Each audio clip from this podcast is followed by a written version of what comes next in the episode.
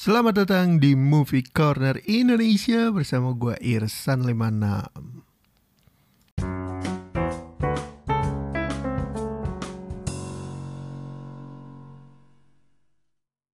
Di episode kali ini gue mau ngebahas tentang film The New Mutants, film di 2020 yang ketunda dan akhirnya dirilis di tahun 2021, lebih tepatnya di awal tahun ini. Dan gue nonton film ini karena out of nowhere gue masih kangen dengan bioskop dan gue pengen banget nonton lagi. Kebetulan ada film baru selain Wonder Woman. Waktunya pas, ya udah gue langsung meluncur ke bioskop terdekat. Sebelum masuk ke pembahasan filmnya, gue mau ngebahas tentang plot dan pemeran-pemerannya.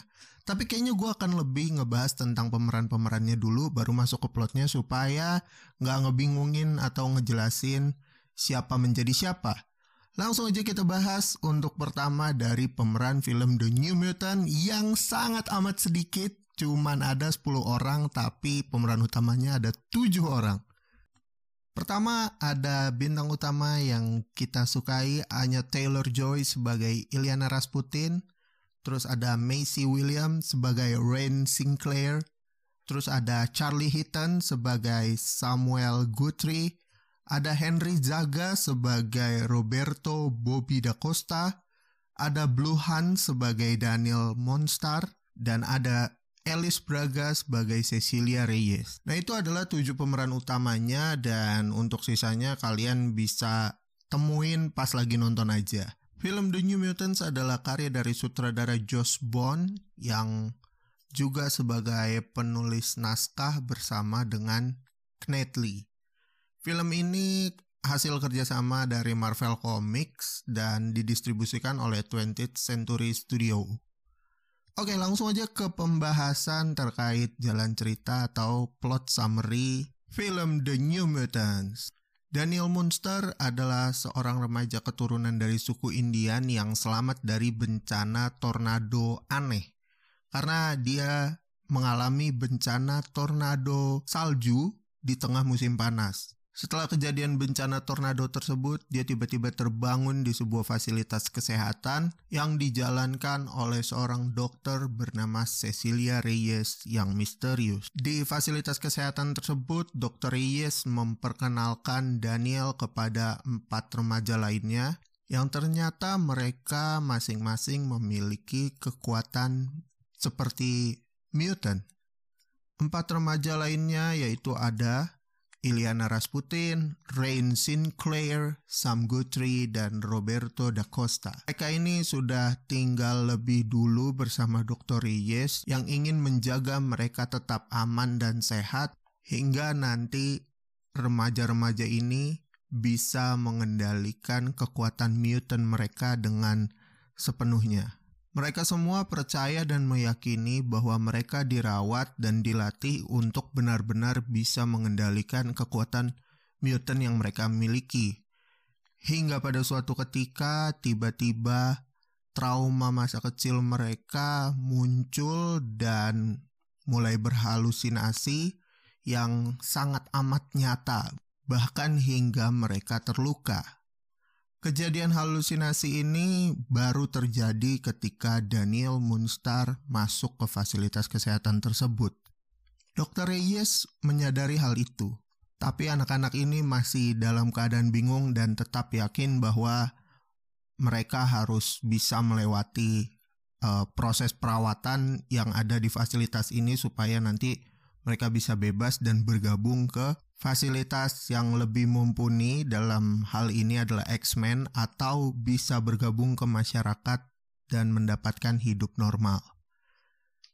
Seiring berjalannya waktu, satu persatu misteri pun akhirnya terungkap dan mereka sadari bahwa ternyata mereka bukan dirawat, tapi mereka lebih tepatnya dipenjara sementara. Apakah mereka bisa lolos dari fasilitas kesehatan ini? Lalu siapakah Dr. Reyes? Benarkah fasilitas ini punya X-Men? Tonton aja di The New Mutants yang bisa lo orang saksikan di bioskop terdekat selama masih ada.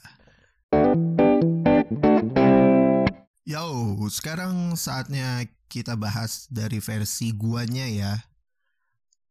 awalnya gue nonton film ini kayak hmm oke okay, ini New Mutants dan genrenya horror lebih tepatnya superhero horror. Dan sejujurnya gue nggak terlalu suka horror tapi karena ada Anya Taylor Joy ya jadi gue penasaran.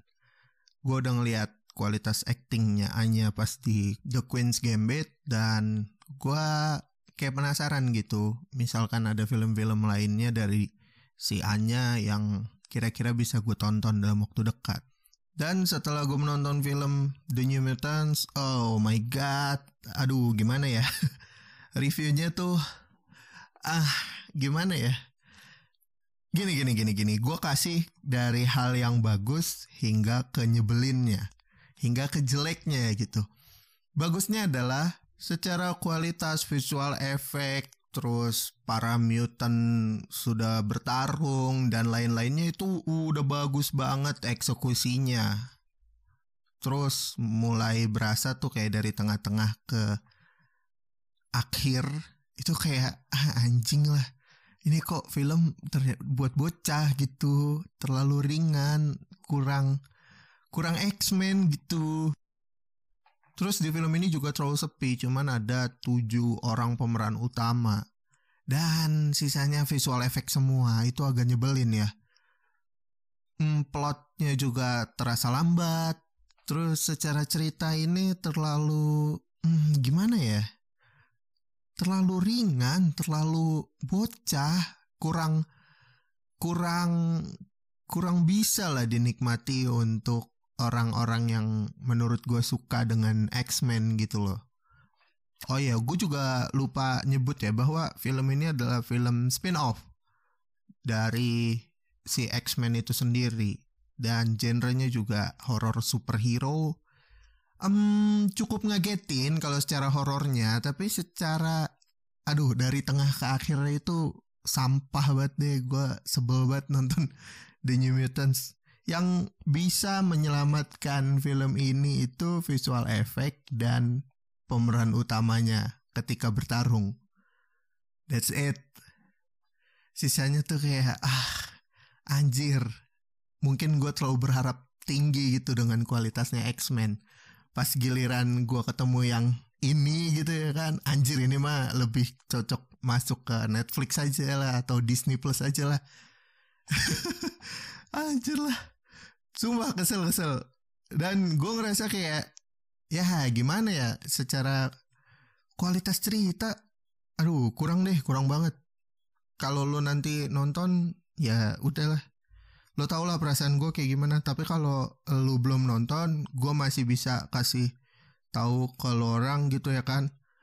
Lo masih punya pilihan film lain. Tapi kalau lo penasaran dan lo sukanya Taylor Joy ya nggak apa-apa juga nonton film ini gitu Dan mungkin lu bisa cari juga gitu di internet tentang review-review film ini. Gue jujur orang yang gak percaya dengan review film kalau gue belum nonton. Tapi kondisinya nih, gue udah nonton dan gue ngerasa kurang gitu ya kan. Dan gue penasaran dong cari second opinion di internet gitu ya kan. Karena gue nggak tahu nih circle gue yang udah nonton film ini siapa aja. Jadi gue memilih internet karena lebih cepat. Pas gue cek di internet, boom, yes, benar banyak orang yang sangat menyayangkan film ini dan merasa kurang gitu dengan film The New Mutant. Hah, sebel cuy asli. gue ngerasa kayak hmm, harusnya bisa nih di gimanain lagi gitu. Ah, tapi enggak, enggak bisa hasilnya kayak gitu. Ah, sayang sekali. Aduh. Dan secara overall gue kasih nilai 5,5 per 10. 5,5 itu buat visual effect, budget, dan pemeran utamanya kayak Anya Taylor-Joy dan enam lainnya. Yang actingnya tuh sebenarnya udah bagus, tapi gue nggak tahu kenapa eksekusi film ini kurang. Gitu.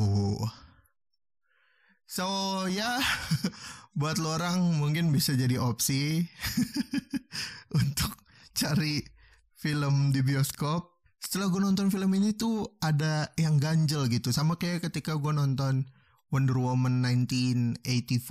Kayak, hah segitu doang? Nah kalau di film ini, apaan sih gini doang? Nah kayak gitu tuh.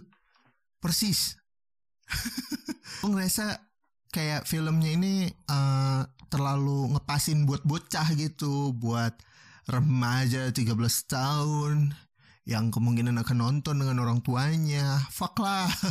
Fuck, superhero tuh nggak selalu harus relate dengan remaja gitu loh. Gue pengen film-film yang kayak Iron Man 1, The Dark Knight, yang kayak gitu-gitu, yang actionnya bagus, ngomong kasar, terus explicit scene dan lain-lainnya yang lebih realistis sedikit gitu, yang lebih relate ya kan. Sebel gue jadi mencak-mencak. ya, ya udahlah kurang lebih begitulah. Oke, thank you yang udah dengerin podcast Movie Corner Indonesia. Sampai ketemu lagi di episode selanjutnya. Follow gue di @irsan56, bisa langsung DM rekomendasi film ke situ. Terakhir, gue Irsan 56 pamit. Ciao.